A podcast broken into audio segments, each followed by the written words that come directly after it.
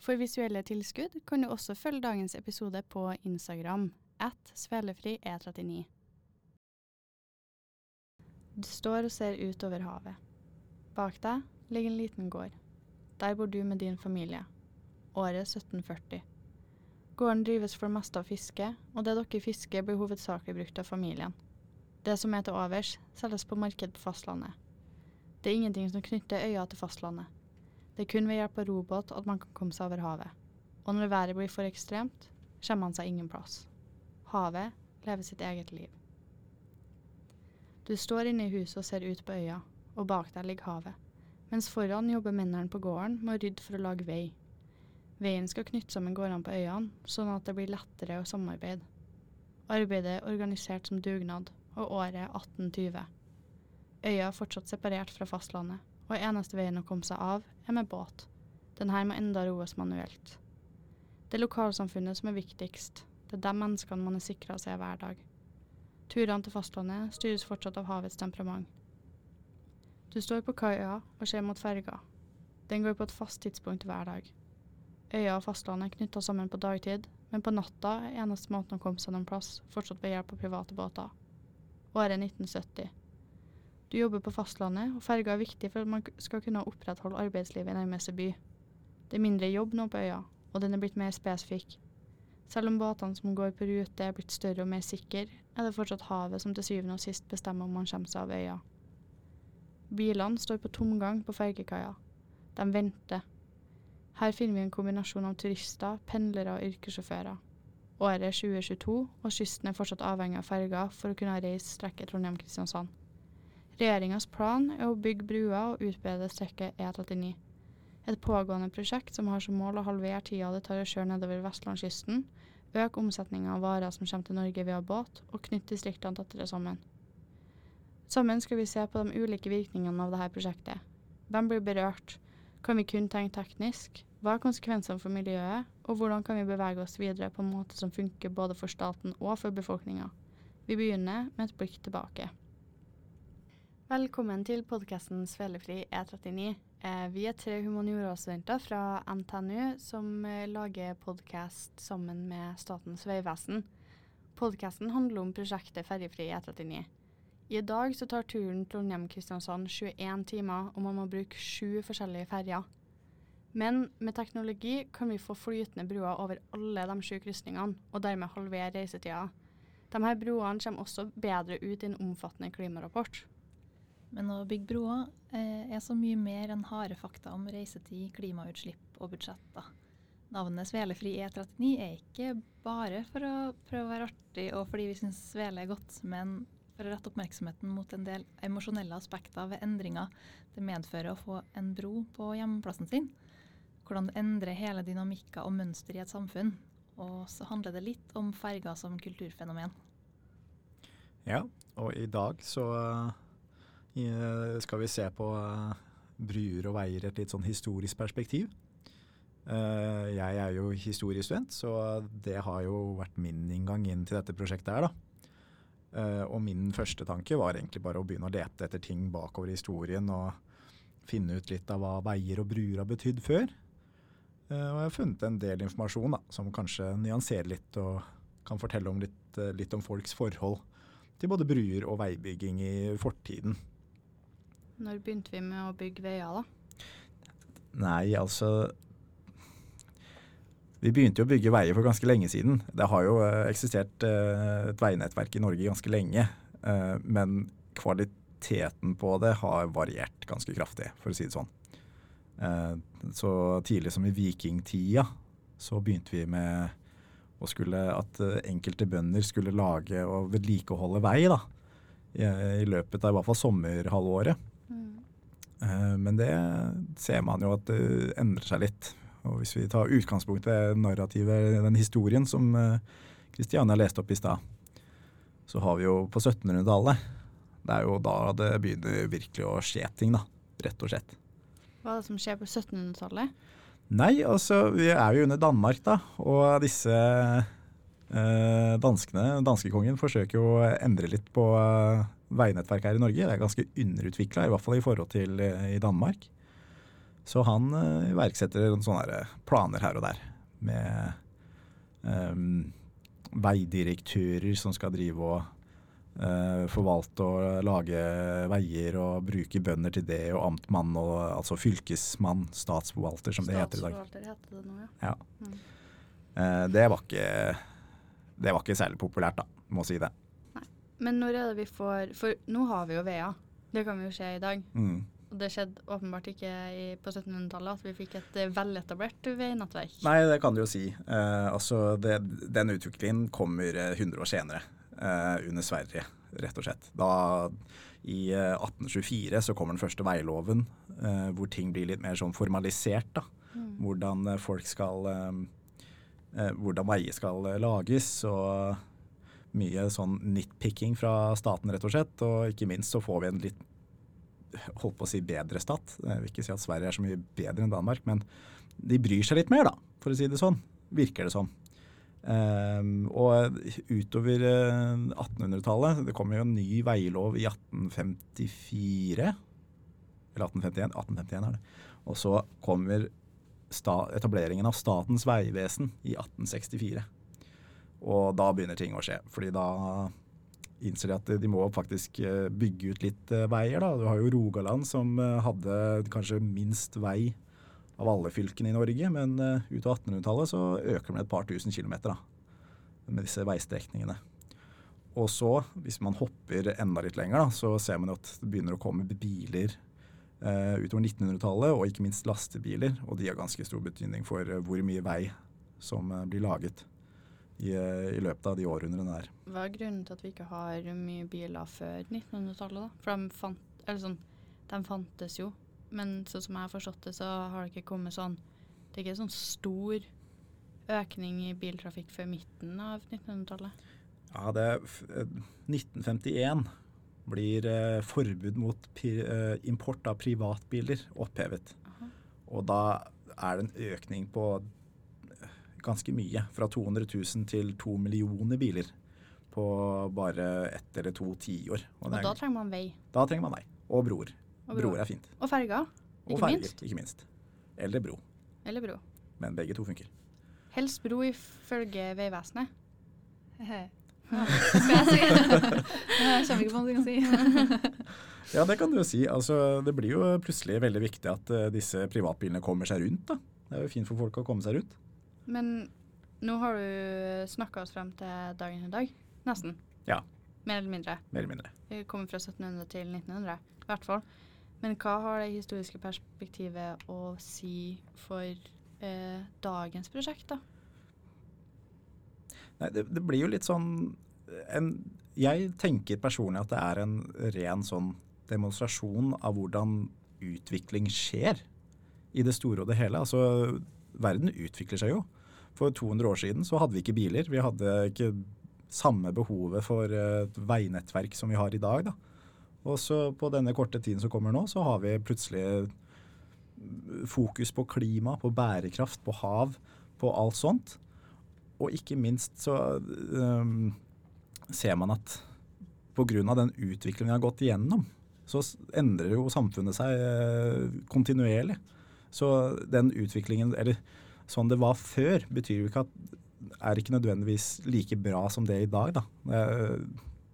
Utvikling skjer. Man kan nesten ikke, man kan ikke stoppe en utvikling. Altså, om det er bra eller dårlig, det er en annen diskusjon igjen. Men uh, historie føler jeg henger med alt, egentlig. Ja. Er du enig, Liv? Ja. Nei, men jeg bare tenkt på sånn for, for hver gang det har kommet en endring, så har folk vært eh, negative og sånn. Men jeg vil, jeg vil tro at måte, hver gang så kom det fordi man ville ha det mer effektivt. Man ville ha mer effektivisering og sånn.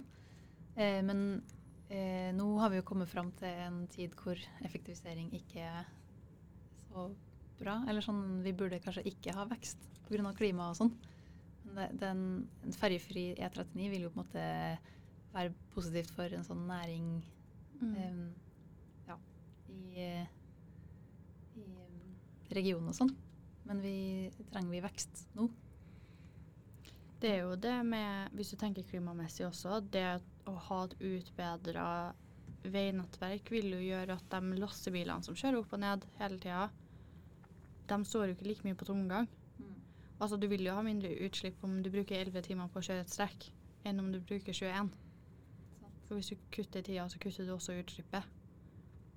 Men hvorvidt vi kan veie det opp mot øh, utslippet som kommer, ikke bare ved å legge ned Altså, det er jo rapporter på at øh, en bru potensielt er bedre enn en ferje i på en måte de lange strekkene, og det kommer vi jo tilbake til. Men øh, hvorvidt det er bedre for miljøet å utbedre de veistrekkene imellom, som man må om man skal beregne økt øh, på en måte transport på de her strekningene. Det er jo et spørsmål som jeg ikke vet om jeg har helt klart å funne svaret på. Nei. Og det vil jo være interessant om 30 år, når prosjektet er ferdig, å se tilbake på med historisk perspektiv, kanskje. Mm. For å vurdere til videre prosjekter. Vi har snakka om det historiske perspektivet, da, og om det historiske perspektivet med veier. Men vi snakker jo om å legge et veinettverk som går over vann.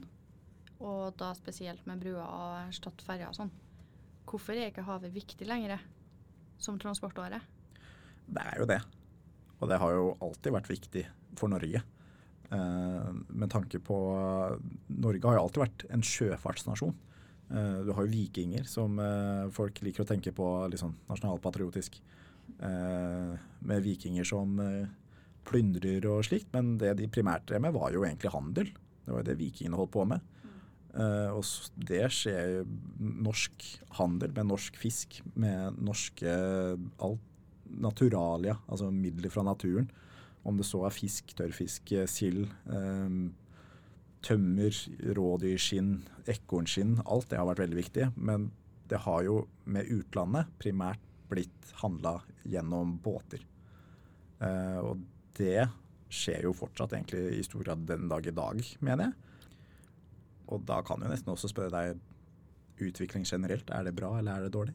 Det er veldig interessant at du går tilbake til båter her, for at den her på en måte utviklinga og om penger og tid og kunnskap inn i å utvikle veiene. Men havet er jo, har jo alltid vært en hovedtransportåre for Norge, Mm. og det er jo det til en grad fortsatt. Hvorfor trenger vi et utbedra veinettverk hvis handelen vår fortsatt går via båt? Det er jo det, det er det som gjør det litt morsomt, syns jeg, å se på 1700-tallet. Fordi der ser du virkelig skille, uh, syns jeg, da. Med, der har du utenrikshandel, hvor eh, det er større båter som Danmark-Norge handler med f.eks. England, Amsterdam, som går videre til USA eller til Asia, eller til Afrika for den saks skyld. Eh, for å blande inn litt eh, slavehandel, så importerte jo vi eh, sukker fra plantasjer i eh, USA som vi raffinerte her i Trondheim. Eh, men så har du også inn, innenrikshandel, som da foregår mellom Danmark og Norge, igjen gjennom båter. Og det er jo ikke, heldigvis ikke så lang vei. Men så har du til slutt innen, innenrikshandel, for å si det sånn. Hvor det er altså båter som frakter varer fra f.eks. mindre landsbyer eller mindre plasser, eh, som frakter tømmer til handelsbyer. Um, så primært, av, så å si alt av handel og sånt ble jo overført via havet. Eh, det var ikke så, altså Som sagt, da, det var ikke så mye veier som var veldig fine. Og det er jo mange bruer som man ser før, men folk var jo fornøyd med å bare kaste noen steiner i en elv og hoppe over. Men det funker jo ikke til handel, f.eks. Så det har jo en, utvik det har en sammenheng med at uh, handelen øker, rett og slett. Nå har jeg glemt spørsmålet ditt. Nei, det var bare hvorfor, eh, hvorfor trenger vi veier hvis eh, handel går via båt? Men det skal kanskje bli mer ekstremvær og sånn, da? Eller har det noe med saken å gjøre, kanskje? Det skal det jo nå. Uh, men man så jo E39 nå etter ekstremværet uh, for to uker siden, Med Gyda. med Gyda. Og da var det jo Stengt? stengt. Veldig stengt. Og ikke bare var Altså, det har jeg tenkt på. Bruene var stengt. Og ferjene gikk ikke. Mm. Og man hadde jo ikke kommet seg over bruene uansett. Men det er kanskje lettere å, um, å bare åpne en bru igjen tidligere enn du kan starte å kjøre ferga igjen. Ja. Jeg vet ikke helt. Men uansett Og så er det altså- den der um, rørbrua, da. Ja, det er det. Som, Mm. jeg vet, som kanskje som ikke er bygd ennå. Som eh, kanskje òg vil komme med en sånn annen Noe vi ikke har sett før, noe vi ikke kan reflektere tilbake til heller. Kanskje at den er åpen tidligere. Enda tidligere, kanskje. Ja. Potensielt. Den skal jo ta mindre, mindre støt fra hver. Men uansett så er det jo veldig åpenbart at ikke bare trenger vi brua for å ta, fjerne ferger og kutte ned denne reisetida, men vi trenger bedre veier.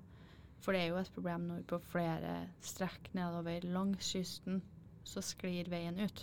Det hjelper ikke om du har kule nye bruer istedenfor ferger, om, om du ikke kommer deg til fergekaia. så det er jo et behov for det prosjektet her Mm. er det. Mm. Og de veiene i seg selv må jo forbedres. Mm. Men det er et, kanskje et spørsmål om hvordan vi best skal gjøre det. For både klima og, og folket, da. Only time will tell. Så ja, det tenkte jeg òg på. At Ja. eh, hvis vi skal se tilbake i tid og se på hva som funka, så er det jo Havet er jo virkelig det som funka. Men er det vi som er for kritisk til endring, kanskje? Og er redd for å prøve noe nytt? Eller er det For jeg blir liksom Jeg er jo litt skeptisk av meg til absolutt alt, kanskje. Jeg har begynt eh, med, i prosjektet her med litt grann sånn negativt synspunkt på å fjerne ferger. Jeg studerer jo engelsk og kultur, og Liv er jo kulturminneforvalter. Og vi snakker om at men ferga er kultur og arv. Berga er litt kulturhistorie, ja. Men er det kanskje viktigere å se på på en måte helheten og, og prøve noe nytt? For det har jo sjansen til å bli bra. Veier har jo funka for oss det også i, i 100 år. Men så er det sånn Ja, men havet har funka for oss i 1000 år. Hvorfor skal vi gå bort fra det? Mm. For her henger jo, tenker jeg da, at det er litt sånn eh, igjen dette med globalisering og sånt, og at uh, hvis man skal ta utgangspunkt i handel og økonomi og sånt, da, for Norge spesielt, så er det jo Havet har jo alltid vært veldig viktig. Uh, du har, på 1700-tallet så har du veldig masse varer og for så vidt folk som blir eksportert ut, og så får du importert andre ting inn. Om det så er uh, folk med utdanninger som man trenger, eller om det er eh, luksusvarer eller tobakk eller sukker, noe så enkelt som det. Um, men for, for å vri og, vende, ve- ve- vri og vende litt på det du sa, da, så det er jo ganske greit å ha det sånn når du bor på kysten. Men hvis man skal ta f.eks. en kar fra Alvdal, eh, som er altså i Østerdalen eller noe sånt, nå, så sliter jo de litt med å skulle ta båten til Nord-Norge eller noe sånt, nå, eller til Trondheim. Da det kreves det jo vei, rett og slett. Ble vi enige om hvorfor man trenger historie? Det er en sånn type prosjekt. Ble vi det? Blir vi enige? Jeg vet ikke. Jeg det syns det er veldig viktig. Jeg synes også det er viktig. Jeg studerer jo historie, så jeg syns jo så klart at det er viktig. Men eh, jeg, for, for å summere det litt opp for min egen del også, det at ting henger sammen, og at utvikling det er noe som skjer hele tiden. Om det er negativt eller positivt, spiller jo ingen rolle sånn sett. Det skjer. Så eh, jeg, jeg syns jo at det blir interessant å skulle se om eh, når eh, ferjefri E39 blir ferdig, eh, hva slags virkning det har på eh, verden da, og hvordan man ser tilbake på den prosessen Det er jo da. veldig morsomt, for det er både et fremtidig og et historisk spørsmål. Det er sånn, hvordan kan jeg i fremtida se på det her som langt tilbake i tid? For i 2050 så er det sånn, vi er ferdig utdanna, vi ser tilbake på sånn, og da kommer det virkelig til å være sånn, vi visste ingenting, det ble så bra. Eller, åh, vi visste ingenting, det her gikk ikke så veldig bra. Ja, det synes jeg er så interessant at vi snakker om et prosjekt som, ja, skjer nå, og har begynt tidligere, på en måte. De begynte jo for over ti år siden nå.